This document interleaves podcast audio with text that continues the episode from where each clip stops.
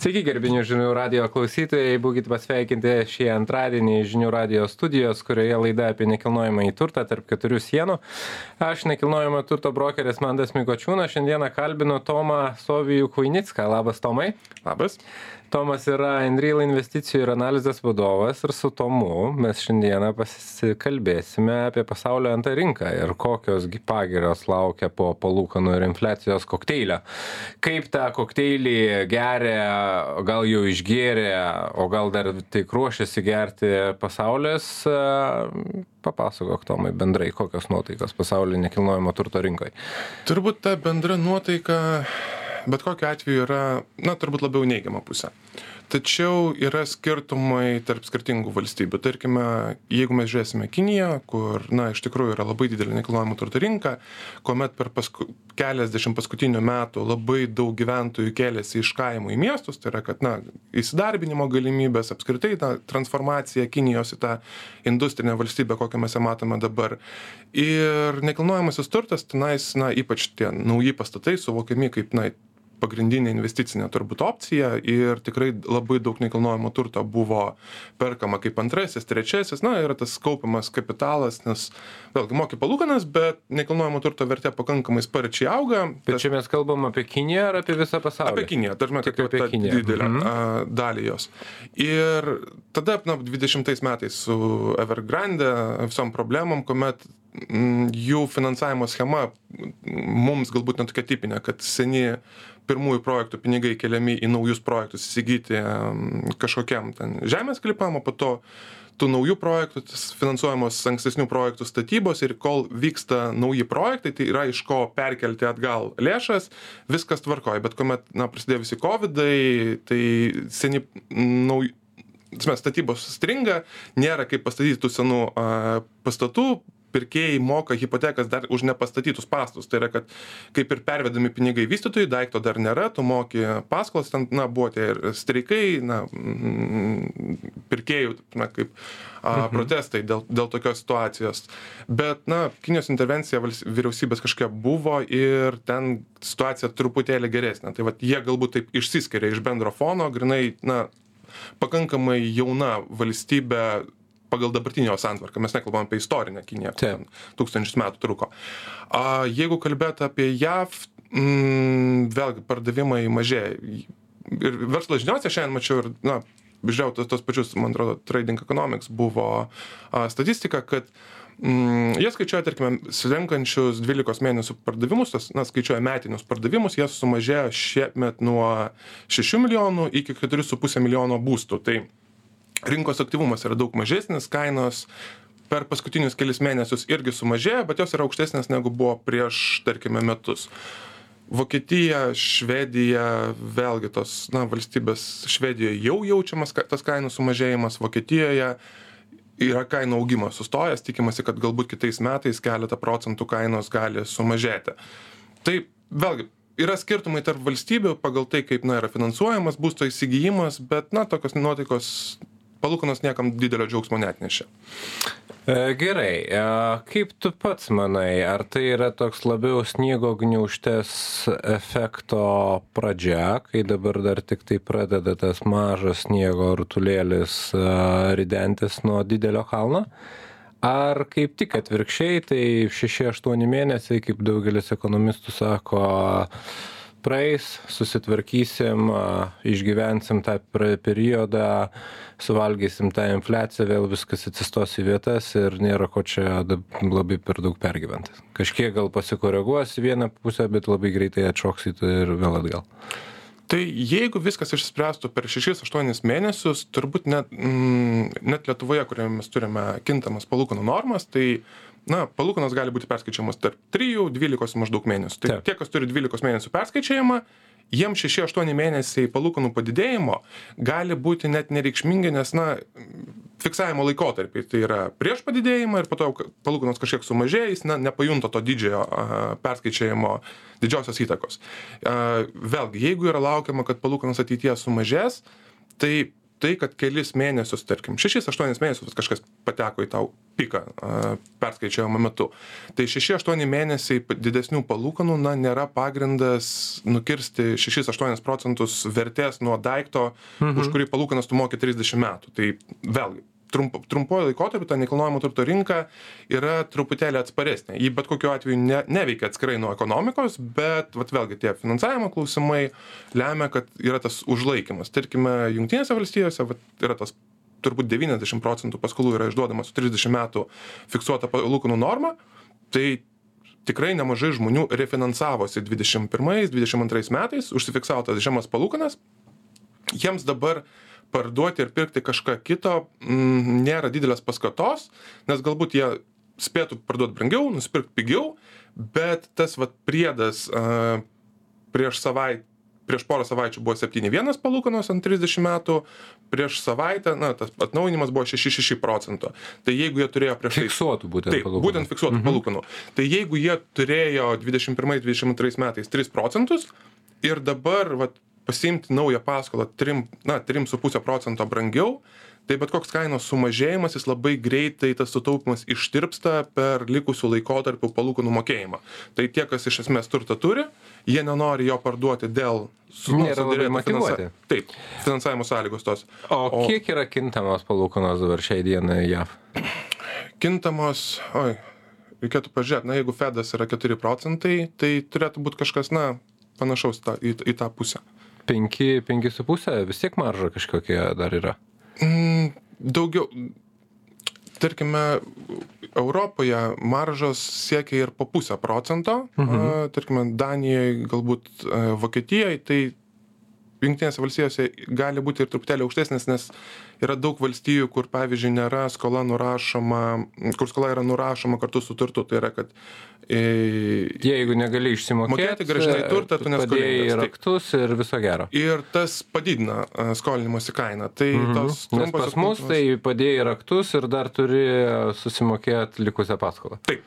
Tai va tas irgi padidina paskolos mokėjimą. Mhm vėlgi na drau kas ten draudimą prisitaiko vėlgi draudimo įmokas gali padidinti paskolos kažkiek jos kainą bet na irgi turbūt kalbėtume apie keturis penkis procentus supratau tai grubiai apie porą procentų priau prideda tas palūkanų fiksavimas trisdešimčiai metų čia apie jav Mm? Turbūt, kažkaip galbūt apie pusantro procento, taip. Uh -huh. Nes vėlgi, tai ir yra tas jų populiariausias modelis, tai tas trumpalaikis, na, net nesudaro reikšmingos dalies, pavadinkime. Aišku. E, gerai, tai bet truputėlį užsiminė ir aš ir kaip tik esu pasirašęs tokį klausimą, kiek nekilnojamo turto rinka priklausoma nuo bendros ekonominės situacijos.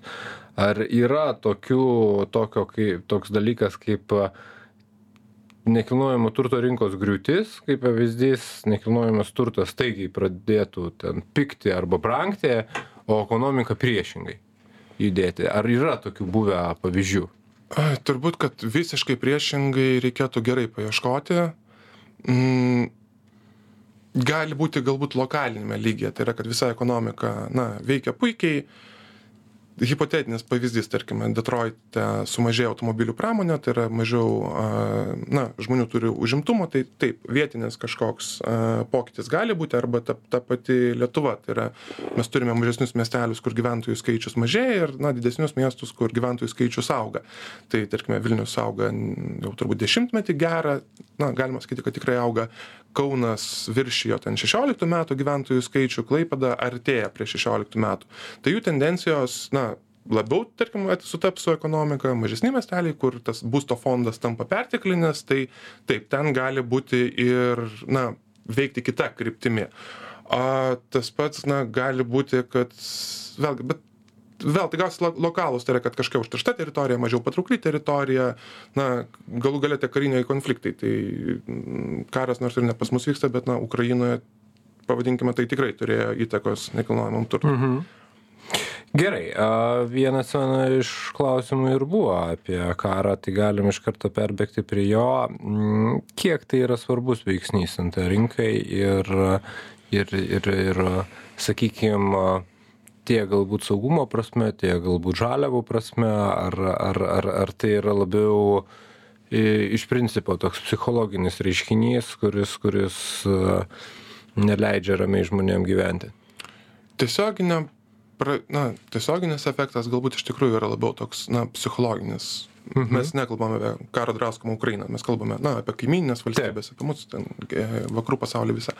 Tai na amerikiečiams karas vyksta europoje vakarų europai karas vyksta rytų europoje mums jau karas vyksta ukrainoje ukrainoje na karas vyksta donecke luhanske. Tai yra kad kiekvienas na gali paskaičiuoti kad na ne pas jį konkrečiai vyksta karas. Aišku yra jau ta grupė kur na negali ta prasme atsiriboti nuo karo. A ir tarkime užsienio na užsieniečiams lietuva yra pakankamai arti ukrainos tai taip kažkoks nerimas yra didesnis lietuviams na nerimo vėlgi keturioliktais metais buvo rinkos sulėtėjimas po krymo krymo okupacijos tai nėra taip kad lietuviai nejaustų nerimo bet turbūt tas netiesioginis poveikis per susijusias visas grandis tai yra ukrainoje ukraina baltarusija rusija buvo medienos metalo išteklių šalys na kuriose galima buvo užsipirkti ir na visos trys rinkos užsidaro karo metu. Tai reikia ieškoti naujų šaltinių žaliavų jos kainuoja brangiau nes vėlgi yra priežastis kodėl buvo perkama iš tų šalių ir padidėja statybos sąnaudos. A dėl na energiniai ištekliai tarkime iš rusijos irgi padidėja kaina sukelia infliaciją infliacija padidina palūkanas na dėl infliacijos yra keliamos palūkanos ir palūkanos atsiliepia nekilnojamam turtui. Tai tas vat netiesioginis per trečią ketvirtą posūkį karas bet kokiu atveju prieina ir prie ekonomikos ir prie nekilnojamo turto rinkos konkrečiai. Nejauti tokio pozityvaus tokio optimizmo kad vat tuoj tuoj galbūt pasibaigs viskas sėkmingai ukrainos pergale ir važiuosim atstatinėt ir ir ir sužydės mūsų ne tik nekilnojamo turto rinka o poreikis sakykim galbūt tiem patiem nekilnojamo turto vystytojam kuriem bus darbo sočiai.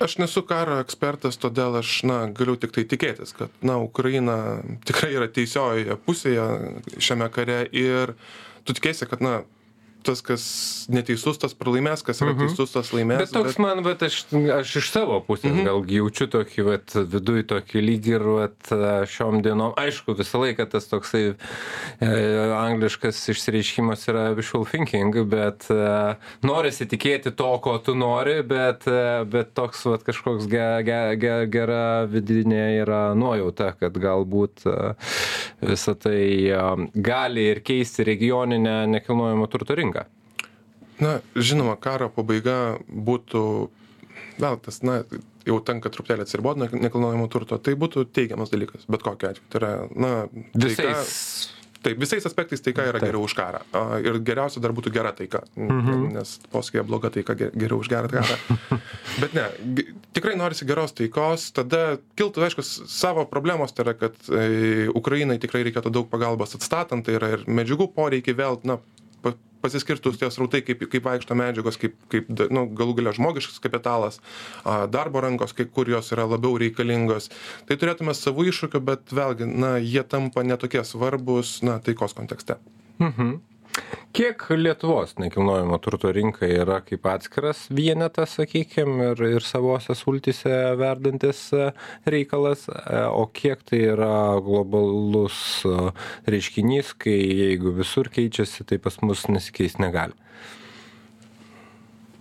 mes truputėlį verdam savo sultis nes mes turim atsakingo skolinimo nuostatus tai yra kad tas stres testas kad palūkanos gali būti penki procentai automatiškai na sudaro tą buferį kad nedideli palūkanų pokyčiai ne taip staigiai paveikia nekilnojamo turto rinką ir tą mes matėme kad euriboras augo tarkime net ar žiūrint pirminės rinkos kainas ar antrinės rinkos ar lietuvos banko pasikartojančių sandorių indeksą kainos nepradėjo mažėti. Vėlgi iki tam tikros ribos ir tam tikrų objektų. Tai yra kad visą laiką korekcijos yra įmanomos. Bet ai mes niekur nepabėgam nuo to kad pasaulyje padidėjo palūkanos. Tai yra mes neturime na dabar jau lietuvos tarkim viliboro mes turime euriborą. Kita vertus euriboras na nustatomas ne pagal lietuvos infliaciją. Tai yra mes turime europos infliaciją kur yra ženkliai mažesnė. Tai vat mes taip sąlyginai verdam savo sultyse nes na tas europos mastu ne tiek daug įtakos turėjome. A kita vertus vėlgi pasi padidės palūkanos mes tą pajusime ir niekur nuo to nepasidėsime. Tiktai vat nu dar tie yra smulkūs tokie pokyčiai kad demografija jeigu gyventojų skaičius didėja reikia na turėti kažkur jiems kur gyventi. Jeigu kažkokiu būdu mūsų ekonomika na performansas yra geresnis negu aplinkinių šalių tai vėl mes turime kažkokį dalinį imunitetą nuo tų pokyčių kurie vyksta svetur. Vieni sako kad nu kaipgi tas nekilnojamas turtas gali pigt kai viskas aplinkui brangsta medžiagos brangsta darbo jėga brangsta e, žemė brangsta ir, ir viską, viską reikia, e, sakykime, pastatyti, padaryti ir vat, nu, kaip mes dabar jį pigiau galim parduoti. Nu, nėra galimybių. Kiti sako, kad e, jo kaina yra ant tiek užkelta ir ant tiek išsipūtus, kad e, būtų truputėlį gal neblogai to kumpelio atpjaut gabaliuko, kad jisai sukūstų. Taip. Kur yra tiesa?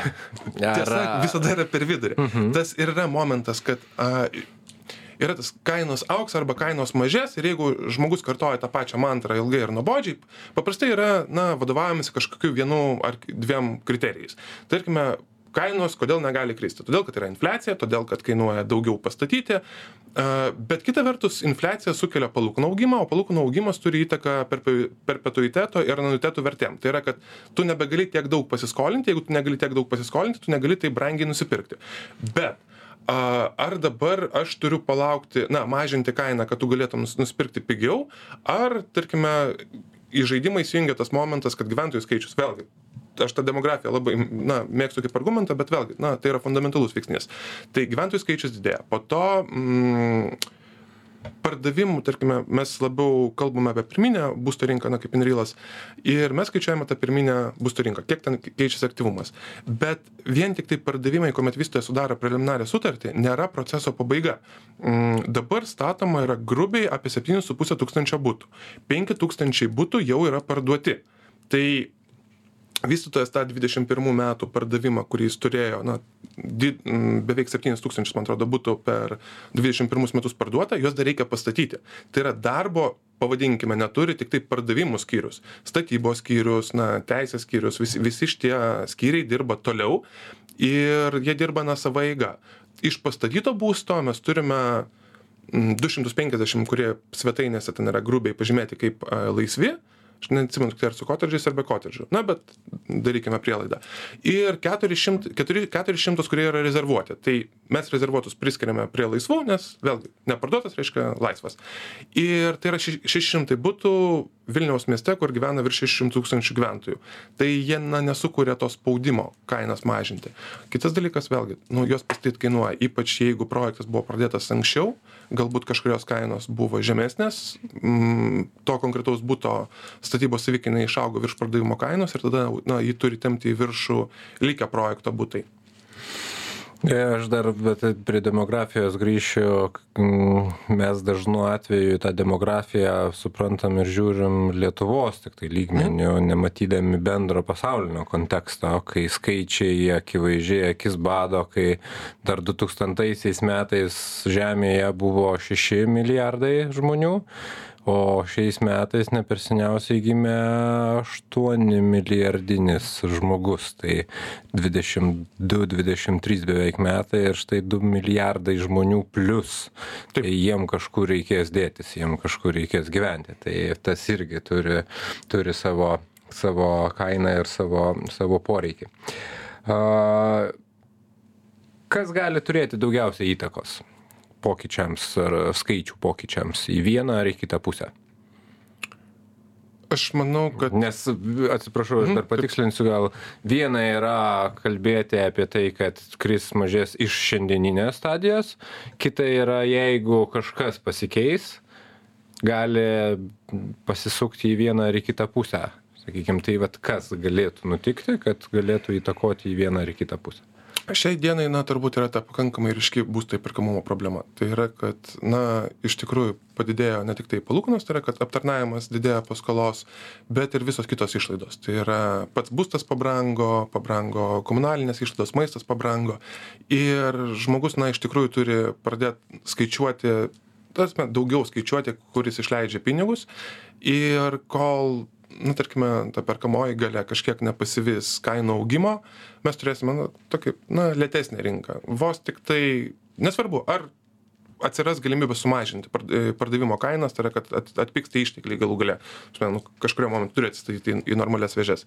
Ar e, tiesiog, na, iš tikrųjų yra, tas metu lažinė, iš kurio padidėja visų atlyginimai ir jie vėl susigražina perkamąją galę, tokiu atveju rinka tampa aktyvesnė. Jeigu žmogus na, negali nupirkti, na, nėra iš ko aktyvumo susidaryti. Supratau. Matau, kad laikas mūsų jau į pabaigą, tai norėjau padėkoti šiandien pas mūsų studijoje buvusiam Tomui Sovijui Kuinickui. Ačiū, Tomai. Ačiū už pakvietimą. Tomas yra Enreal investicijų ir analizės vadovas, o aš, NT brokeris Mantas Migočiūnas, šiandieną noriu su jumis atsisveikinti, susigirdėsim iki kitą antradienį, laida tarp keturių sienų, sako visą geriausią, iki. Visą.